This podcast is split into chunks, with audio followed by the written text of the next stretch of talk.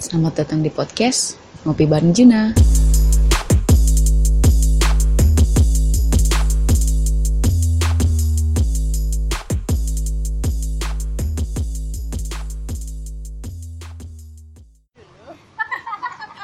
Ready dulu ya. Oke, kalau kayak gitu. uh, selamat datang di Ngopi Bareng Juna. Jadi adalah podcast yang sebenarnya diskusi yang nggak terlalu penting sih. Cuma gue pengen berbagi sedikit cerita dan uh, apa ya tanggapan dari teman-teman sekitar gue aja. Jadi gue nggak mau ini bahasan serius-serius, bercandaan aja. Daripada kita ngobrol-ngobrol nggak jelas gitu kan ya. Sebenarnya ini juga obrolan yang nggak jelas sih. Eh, daripada ngobrol-ngobrol yang Kenapa? skip Oke, oke baik. Jadi guys, dua orang yang mau gue ajak diskusi kebetulan. Eh apa ya? Sebenarnya topiknya nggak yang serius-serius amat kok. Gue pengen cuma pengen ngomongin sosial media aja, sosmed. Terutama gue lihat itu sosmed udah sering bukan udah sering, ya, udah mudah banget diakses sama anak-anak kecil nggak anak-anak kecil lah remaja-remaja masa kini karena kan zaman milenial itu kalau nggak sosmed kayaknya lo nggak kece bos yeah. tapi sebelumnya gue mau kenalin dulu kalian boleh dong Boleh. boleh ya boleh ya kalian berbagi clip on dong jangan kayak orang musuhnya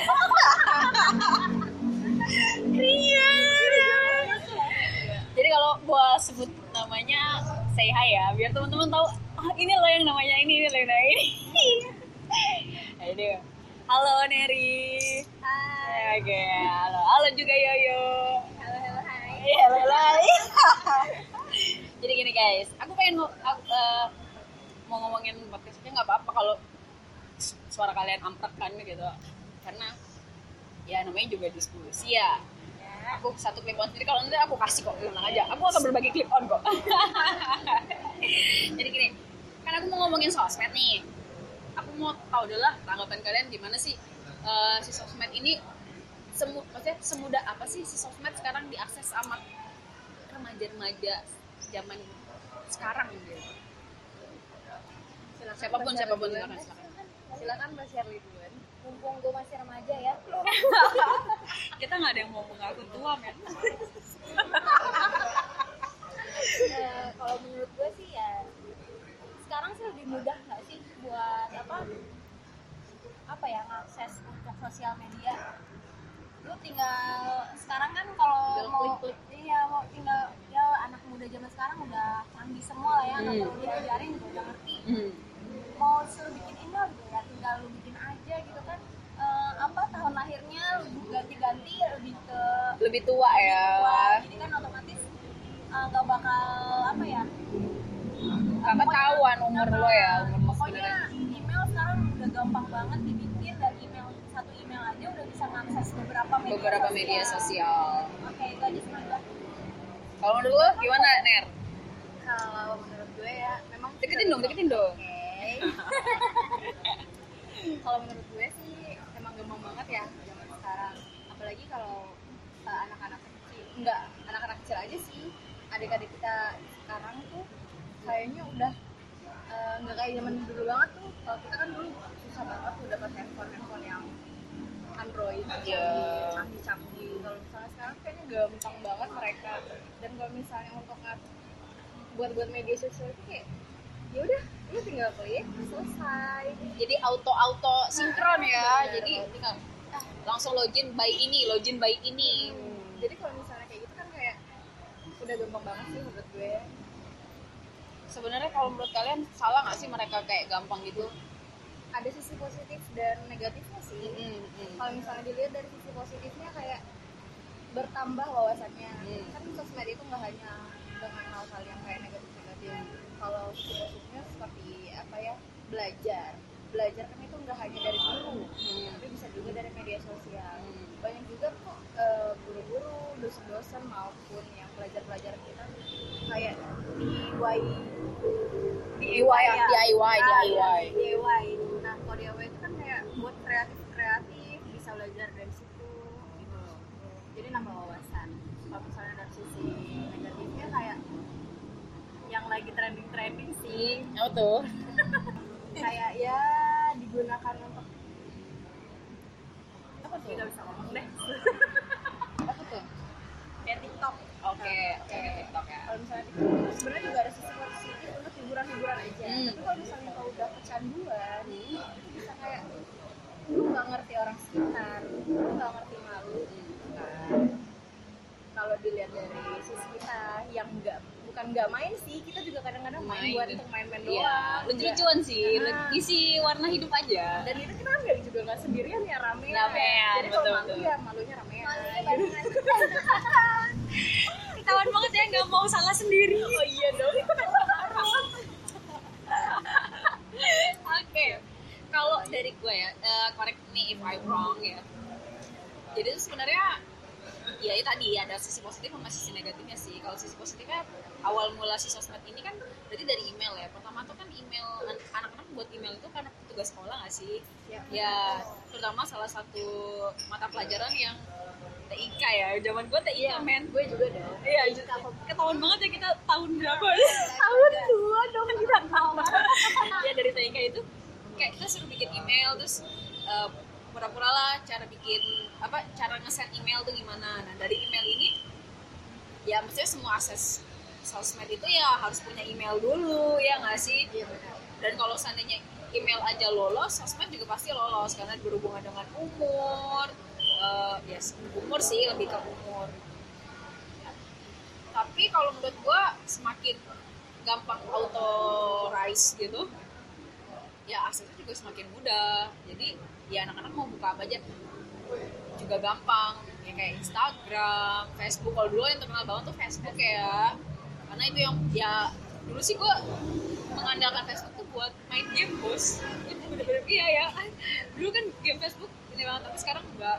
Terus ya itu sih karena dari gampangnya satu email bisa jadi bikin sosmed ke mana-mana jadi akses juga gampang. Ya tadi juga TikTok ya nggak sih? Gue juga mikir kalau TikTok tuh ada positif negatif ya. Karena kalau positifnya ya anak-anak kreatif ya, bikin gerakan apa lucu gitu kan. Gemesin gitu ya? iya gemesin gitu kayak ya nggak anak-anak juga sih yang gede-gede juga maksudnya ih gila misalkan dari dance dance-nya bagus loh atau gimana gimana.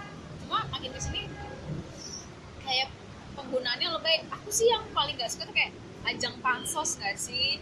Iya benar benar Eh, pansosnya sih ya silakan lah kalau seandainya memang ada. Cuma kalau ada anak-anak yang maksain orang tuanya buat beli handphone bagus atau bukan handphone sih perangkat perangkat eh, elektronik. yang bagus lah ya buat supaya dia bisa main ABC ABC gitu gitu kan. Jadi kayak gimana gitu. Kalian kok berat sih? Ya, gue masih mikir masalahnya. Iya, maksudnya gini, aku sih lebih kasihan ke orang tuanya gitu. Kalau seandainya memang nggak nggak Gak penting-penting amat iya, harusnya sih gak usah iya. Lagian buat apa sih cuma update-update gitu doang? Di sekolah juga nggak yang nggak gimana-gimana. Maksudnya internet tuh masih bisa dipakai di rumah gitu buat paling sekedar nyari info buat pelajaran, nyari jawaban PR lah kasarnya gitu atau kontak ke teman-temannya eh, besok ada PR apa gue dulu gitu banget cari tuh, tuh nomor teman-temanmu biar kamu tahu besok ada tugas apa apa apa kan bisa mama bapak tahu ya lu ya dan itu udah hanya digunakan dengan handphone yang ala kadarnya. Iya, itu. dulu sih gue punya yang handphone Nokia tulalit itu loh. Iya aku juga punya. nyimpen nomor satu kelas cuma untuk ny- nanyain PR doang. Iya PR ya kan? besok. Biar biar nggak ada gini sama prakarya nggak sih? Lu tuh prakarya kayak banyak banget gitu nggak sih? Iya terus ini deh apa namanya? Kamu buat apa? Kamu buat apa? Jadi saling saling contekan iya betul betul, betul. tapi sekarang ya itu malah maksa intinya maksa. Nah dari situ apa ya? Eh ya tadi ya ke pansos. Biar apa? Biar lo diliatin temen-temen lo. Ya, buat apa? Kalau udah diliatin biar apa buat apa gitu. Sampai ada yang pansos tuh eh seandainya apa ya? Over gitu. Iya over. Sampai kayak setiap hari harus update. Iya. kecuali kalau memang dia YouTube ya di YouTube dia memang berpenghasilan dari situ itu oke sih Tapi kalau misalnya hanya ajang pansos dan lebay-lebayan doang kan? Enggak apa banget sih lu gitu ya. Kayak pasti tadi kayak upload upload makan di sini nih makan di sini padahal ya biar apa ya kalau udah makan di situ udah makan Clara udah jadi eh eh gitu. Eh, gue sering sih. Ya gue juga sering. foto-foto ya tapi nggak auto setiap hari ya nggak auto setiap hari main sama siapa? Kadang tuh ada yang apa ya maksa foto bagus di jalan ya tiduran lah di jalan supaya biar apa gitu. Biar viral. Mungkin ya pengen viral ya.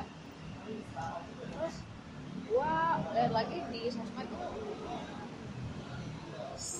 belakangan ini jadi eh, pelecehan seksual. Yep, yep, yep. gimana gimana? Kalau menurut kalian apa ya akses paling gampang buat melakukan pelecehan seksual. Kayak gini gua kasih eh, sedikit gambar. Seandainya adalah akun-akun kayak Bigo ya nggak sih? Yang zaman dulu itu ya? Iya, yang zaman Atau dulu. sekarang masih eh gua nggak tahu sih ya sampai sekarang masih Bigo Bigo oh bi- itu zaman dulu banget dan itu kayak cuma ada lagi sih. Iya itu kan jatuhnya jadi sesuatu jadi kayak seandainya lo nge live terus joget-joget seksi gitu itu baik banget anak SMP SMA oh iya? Iya. Gue kayak Eh, gue kayaknya ini banget ya. Apa? Apa namanya? Nggak tahu jadul banget. banget. Gue kayaknya jadul banget kayak gitu. Ya pokoknya kayak gitu. Di bagian mana nih? Iya. tahu Biko. Iya Bigo live gitu lah. tahu sih cuma kayak tahu gitu gitu doang. Kan kalau untuk kayak live live school kan gue belum tahu sih. Iya jadi tuh gue dia hidup di zaman batu. Waduh, sedih banget sih. Berarti kelihatan makin tuanya dong gue. oh tidak Atau narasumber gue pada tua banget. ya jadi kayak kita mainannya cuma tularit soalnya oh baik. Kita bener-bener an- ansos jangan-jangan enggak lah. Iya. Jadi tuh kayak saya dia ada background musik yang ajeb-ajeb. Dia joget-joget seksi gitu. Terus ya udah, buka lah baju, buka lah celana, underwear gitu-gitu. Ya ampun, kamu ditonton banyak orang loh. Kamu nggak takut apa videomu itu dilihat, dilihat bukan masalah dilihat, Jadi dijadikan bahan, iya dijadikan bahan buat seseorang buat melakukan yang iya yang tidak senonoh gitu. Atau tiba-tiba ada yang ngajakin kenalan tapi sebenarnya bukan kenalan yang baik ya, bukan kenalan sehat iya bukan kenalan Nah, bukan kenalan yang benar-benar kenalan. Malah diajakin eh, hal-hal yang diinginkan iya ya hal yang tidak diinginkan yang dalam konotasi negatif loh ya bukan yang positif. Yang tiba-tiba hilang ya enggak sih? Diculik dan nggak tahu terakhir gara-gara ya itu buka buka sosmed itu gitu. Gimana lo kalian bener nggak? Maksudnya kebanyakan malah jatuhnya ke pelecehan seksual gitu. Atau mungkin ada dampak lain menurut kalian dari si sosmed ini yang mudah diakses sama si adik-adik kita ini? Apa namanya lupa apa apa namanya satu. Dua tiga masih di ini tarik dulu malum ya guys. Kita tuh kalau seandainya udah ada yang udah ada yang pengen diomongin tiba-tiba keselibet sama orang sedikit aja langsung gila. Tadi gue mau ngomong apa ya? Tadi ambiar kamu ke mama ya. Baru setengah detik yang lalu Iya. gitu loh. Gimana gimana? Orangnya gampang ke ke distract ke distract ya. Oh gue mau cerita aja sih sebenarnya. Oh ya gimana gimana? Eh, di luar topik ini ya. Ah, ah, masih- masih masih tentang si sexual harassment ini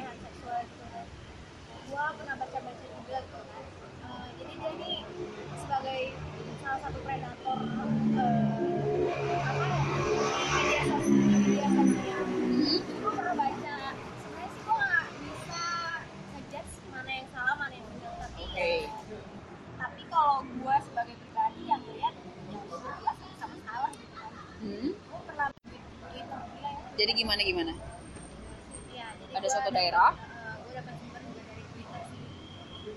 Jadi ceritanya itu eh, ada ya benar tadi media sosial itu kan ada dampak positif sama negatif. Hmm. Kalau menurut gua dampak positifnya kita punya banyak temen dari luar sana yang satu frekuensi. iya betul betul Apa, betul kita ngobrolin apa nyambung jadi enak gitu ngobrolin macam-macam nyambung dan eh, ada nih kita seorang perempuan jadi dia nah, tapi ini dampak negatifnya juga sih menurut gua jadi dia dengan mudahnya gampang banget itu terperdaya terperdaya jadi ada cowok cowok yang apa ya mungkin menurut gimana ya menurut dia tuh udah baik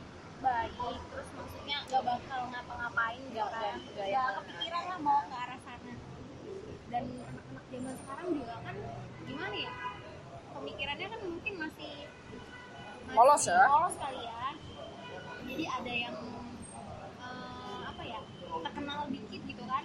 Pokoknya terkenal nih dia apa biasa dia banyak followersnya gitu kan banyak pengikutnya gitu kan jadi seakan-akan dia tuh orang baik gitu. padahal kan kita nggak tahu kalau misalkan udah kenal lama kan kita nggak tahu isi isiannya kan jadi apalagi dia kalau kenalnya media sosial nah itu apalagi negatifnya kan kita bisa menjadi dua pribadi yang berbeda lu mengakuin ya jadi cowok ini dengan mudahnya gitu kan eh, ngajak ngopi jadi ceritanya Hmm. bilang gini ngajak ngopi ke DM ke ceweknya ngopi yuk salah satu kafe mungkin ya ceweknya juga polos-polos seneng aja gitu ya gitu gitu lah. Dek jalan gitu ya oke dia dengan mudahnya oke kak kita ketemuan di sini nah setelah mereka ketemuan dengan mudahnya itu cowok membuat janji-janji langsung jadi cowok itu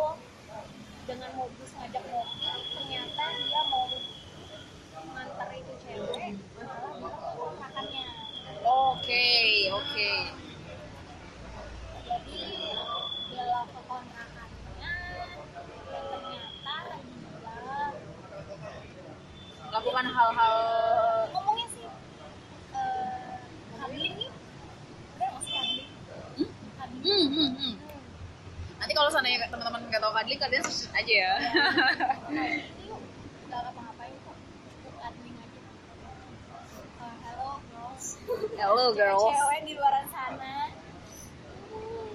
Cuddling kita di dalam suatu ruangan sepi.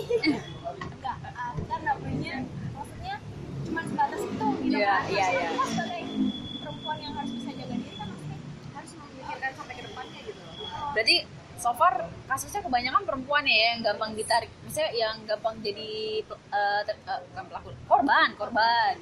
Pernah tahu istilah perempuan selalu memakai hati ya? Guys ketahuan banget ya kalau tadi. Ciwi-ciwi ciwi-ciwi hati banget ya hati dan perasaan aduh susah nah dia tuh dengan mudahnya itu cowok ngomong gitu dan cewek itu oke akhirnya dia mau diajak ketemu nih. Awalnya kan udah Hmm, oke. yang diantar malah dia belok ke kontrakan dan dia ngajakin cuddling Mm-mm. dan ceweknya iya.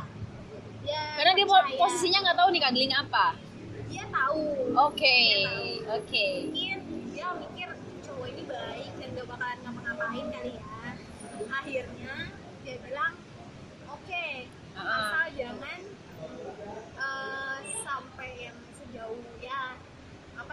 melakukan HS ya.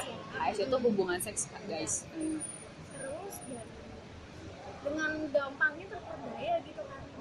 Aduh gimana sih? Gue juga nggak habis pikir. Hmm. gue nggak mau ngejudge ya. Cuman kan ya gue sebagai perempuan di Indonesia kenapa mau aja iya betul betul betul betul betul. apalagi itu baru orang yang baru kenal gitu kan. Hmm. dengan cuman dengan sebatas DM ngopi Hmm. ada ngopi tiba-tiba diajak hadir dan mau Mm-mm. Baru pertama kali ketemu lagi ya? Kali ketemu dan terjadilah yang si Hai ya oke. Oke dan terjadilah HS itu.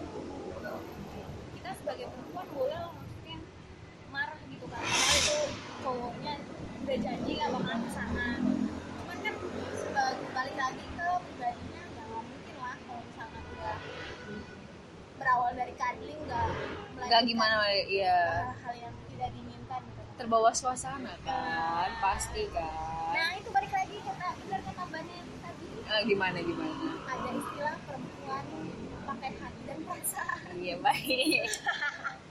Hatiku gembira. Dan terjadilah hal itu. Hmm. mungkin maksud dia maksud dia cowoknya pasti salah gitu hmm. gitu kan hmm, hmm. tapi ya balik lagi lah ceweknya juga harus yang apa ya bisa jaga diri dan bisa apa ya berdua bisa diambil hikmahnya hmm, hmm. maksudnya ya udah jangan jangan lagi lah udah.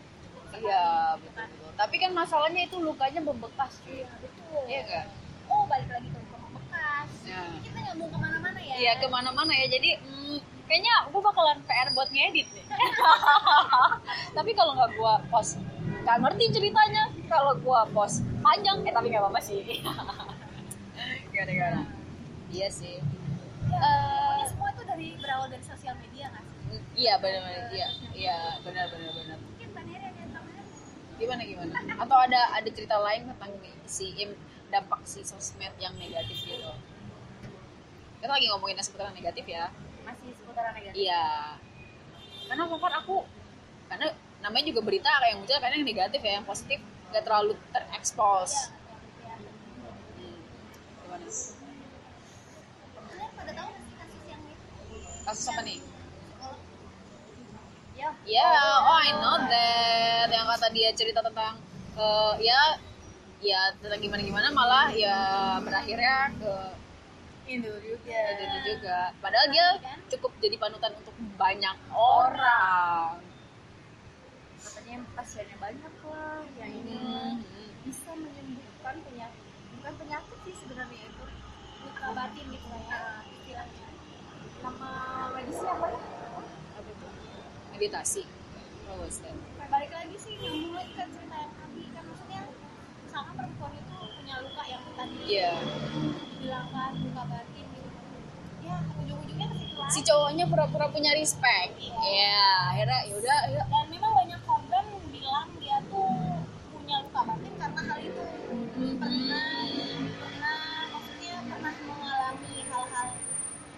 Secara- seperti itu yang kan. tidak sengaja ya.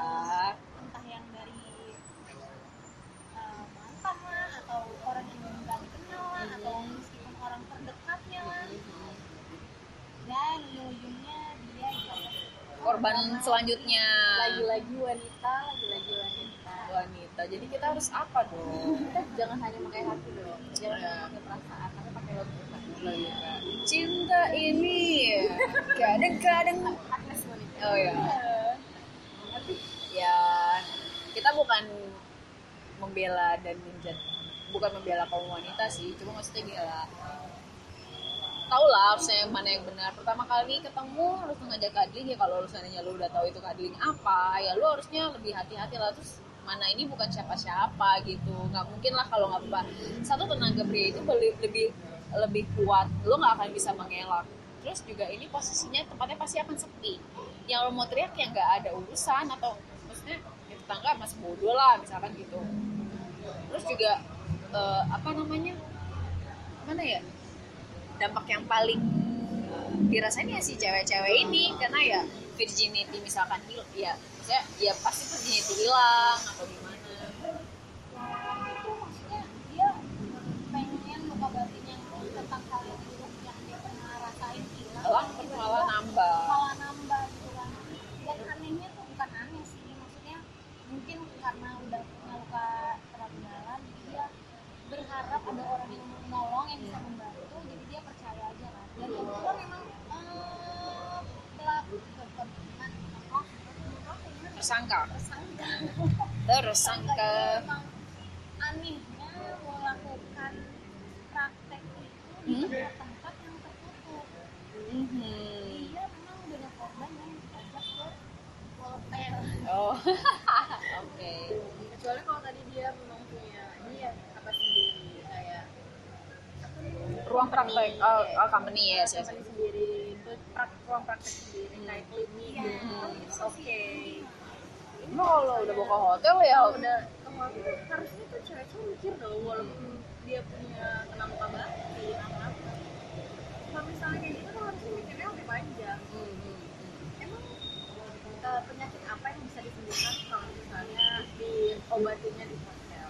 Tapi kalau itu kok, kalau seandainya kecuali eh, kalau misalnya lagi di luar kota ya ah, ah. itu masih it's okay nggak nggak gini gini. Eh, kalau ke hotelnya mungkin gue mikirnya kalau gue ya kita maksudnya nggak boleh nggak boleh menyalahkan si hotel juga sih. iya. Terus kalau misalnya di hotel ketemu di ruang makannya atau meeting roomnya ya it's okay. Cuma kalau misalnya hotelnya udah pesen kamar nah itu yang masih diragukan. Ya ya balik. Ya maksudnya kita jangan men- menyalahkan si hotel si hotel juga. Cuma lihat lagi posisinya di hotel itu ruangan apanya. Kita gue ganti dan walaupun nah, dan anehnya tuh dia menjanjikan hal-hal yang nggak masuk akal gitu loh maksudnya gue ngasih eh, apa pengobatan ke lu gratis semua oh jadi dia- gratis gue juga nggak saya gue nggak ikutin banget jadi dia ngasih pengobatan itu gratis? Gratis semua dia yang bayar. Oke. jadi dia sih iming-imingnya ayo eh, saya mau bantu kamu gitu kan Eh, ayo kita ketemuan di sini gitu Terus kontennya juga kan maksudnya eh, mungkin dia nggak punya tidak bisa bayar lebih cuman karena memang butuh bantuan jadi dia ini ini ini ya udah nggak apa-apa biarin aku aja yang bayar semua jadi dia ikut gitu kan kita juga nggak bisa nyalain ceweknya sih bener banget waktu itu gue juga sering baca-baca katanya saat posisi itu dan saat mental lu lagi lemah lu gak bakal bisa ngapa-ngapain Iya. misalkan dia lu udah terlalu percaya gitu dia bakal bantu terus tiba-tiba orang itu menggerayangi lah istilahnya jadi lu gimana ya pikiran lu cuman oke gue bakal sembuh kalau giniin cuman padahal kan salah satu udah ngacu ke, hal- apa, ke arah yang gak bener gitu kan so itu dampak apa negatifnya yang berujung malah ke pelecehan seksual. Ada lagi nggak menurut kalian kalau seandainya dampak negatif dari sosmed itu kalau menurut gue kayak penipuan gak sih? Bisa juga kayak yes. Dia mau nambahin. Eh, eh, gimana, gimana? gue mau cerita oke oke boleh boleh. Tahun lalu ini cerita tahun lalu nih nyata banget ya di gue ini ini memang kejadian dari Oke. gue. Tapi ini gue bakal share nggak apa-apa dong nggak apa-apa. Nggak apa-apa oke. Ini juga biar pelajaran bagi semua orang. Tapi nggak usah diceritain semua maksud gue yang pantas diceritakan diceritakan ya. Gue unsurnya kesannya ini orang Enggak, oh, malah sebenarnya- masalah orang lagi. No, ini sebenarnya pelajaran sih pelajaran bagi gue. Oke. supaya yang lain juga nggak tertipu kayak gue. Oke.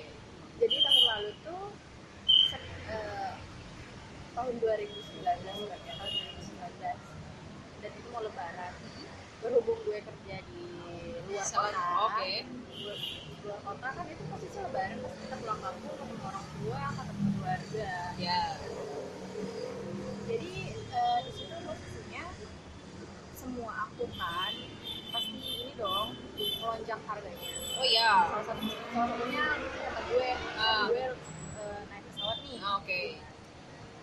Nah ongkos tiket pesawat gue itu kesannya bisa sampai jutaan lah. Ah, jutaan. Malah lumayan sih. Ah, oke. Jadi kan gue sebagai anak yang jauh dari orang tua anak kosan pula so pasti cari-cari yang murah dong cari Ya. promoan terus kayak "Hmm, nggak hanya itu doang yang gue cari promoan semua semua gitu kan.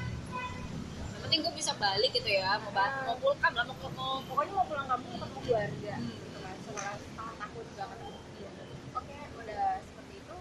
Gue nemu akun di Instagram. Dia itu iklannya bagus banget. Di promoin oleh Instagram sendiri. Jadi kalau misalnya kita lihat story kan ada tuh tiba-tiba swipe up swipe up nih Ah, jangan bilang. swipe Oke. up swipe up sih. Itu kan kayak iklan yang udah bersponsor ya? Oke. Nah so pasti misalnya iklan sudah bersponsor kayak kita image eh, udah terdoktrin di otak kita oh ini benar nih. Gitu kan?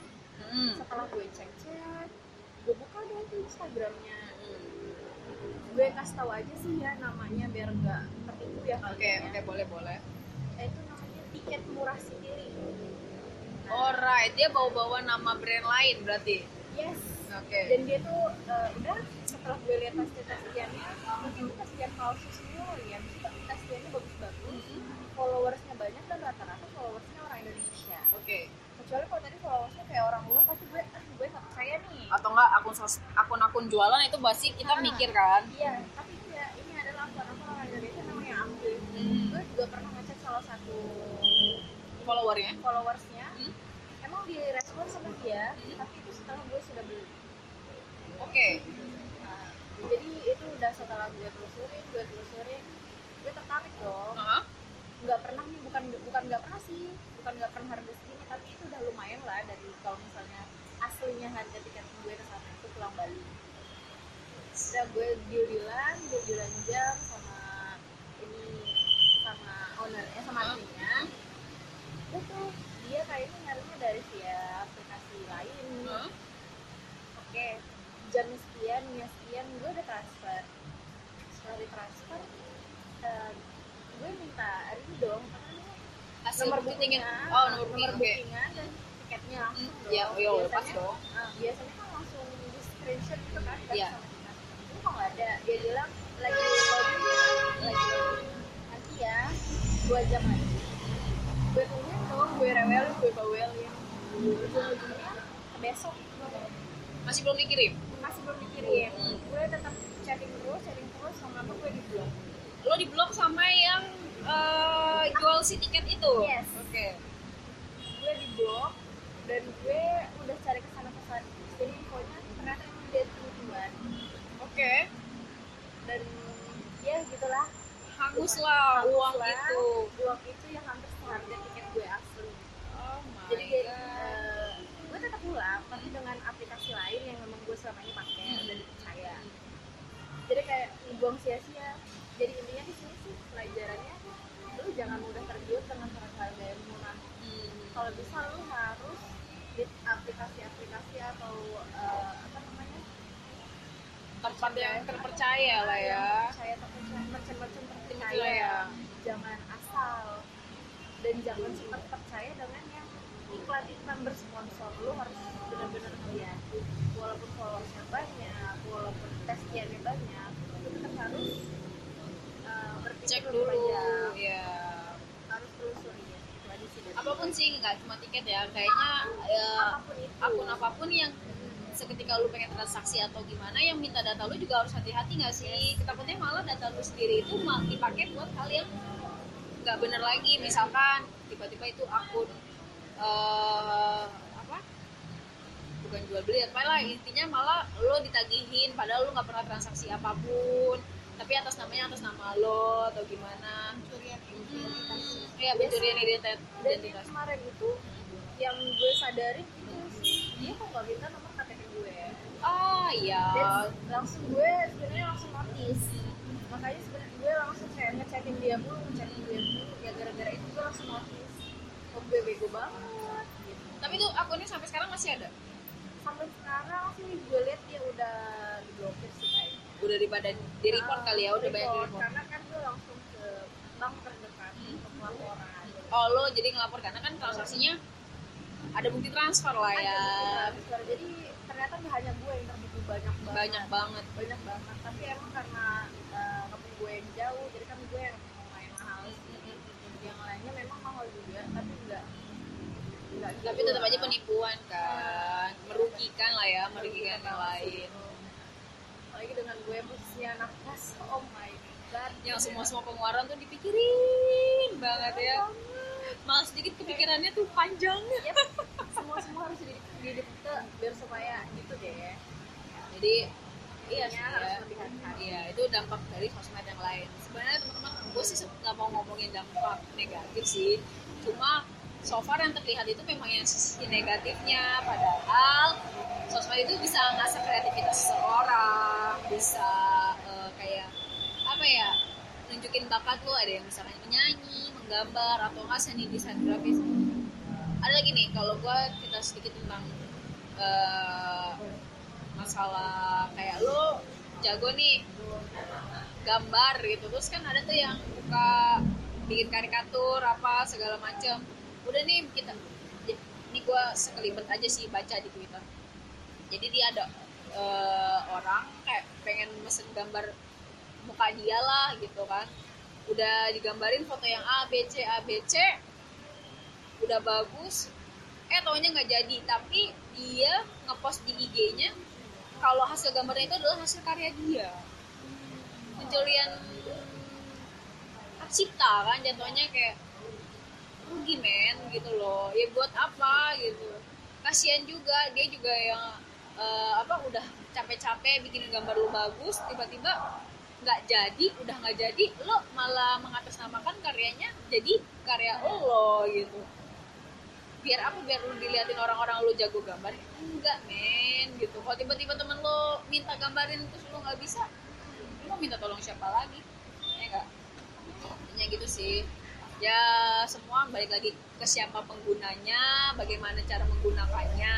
Ya balik ke pribadi masing-masing. Nah, cuma sih kalau gue saranin gunakanlah sebaik-baiknya gitu. Jangan merugikan diri sendiri ataupun merugikan orang lain gitu. Sepantasnya lah sesuai dengan kebutuhannya.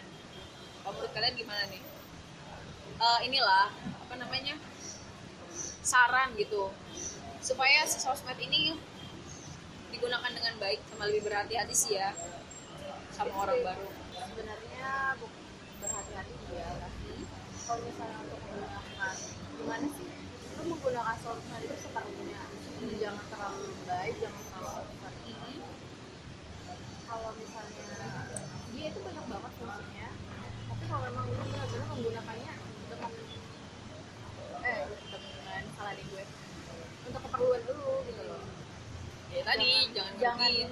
ah, jangan ngerugiin dan jangan terlalu apa sih? Bergantung lah ya. Ah, apa sih bahasanya kok gue apa? apa lu mau ngomong apa? Bahasanya tuh gue lupa apa ya? Aduh gitulah ya pokoknya ya. pokoknya gitu lah ya. Ya udah jadi kalau menurut teman-teman nih ya pokoknya intinya kalau dari kita ya gunakanlah sepenuhnya jangan merugikan jadikan itu sebagai eh, suatu kreativitas. Ap, apres ap- bukan apresiasi diri sih.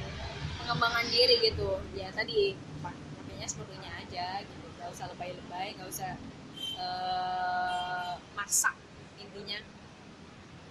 Mau ngupload ini ya karena lu bahagia mau ngupload makanannya karena lu suka sama makanannya atau misalkan kayak gitu tapi balik lagi semua itu harus ada manfaatnya.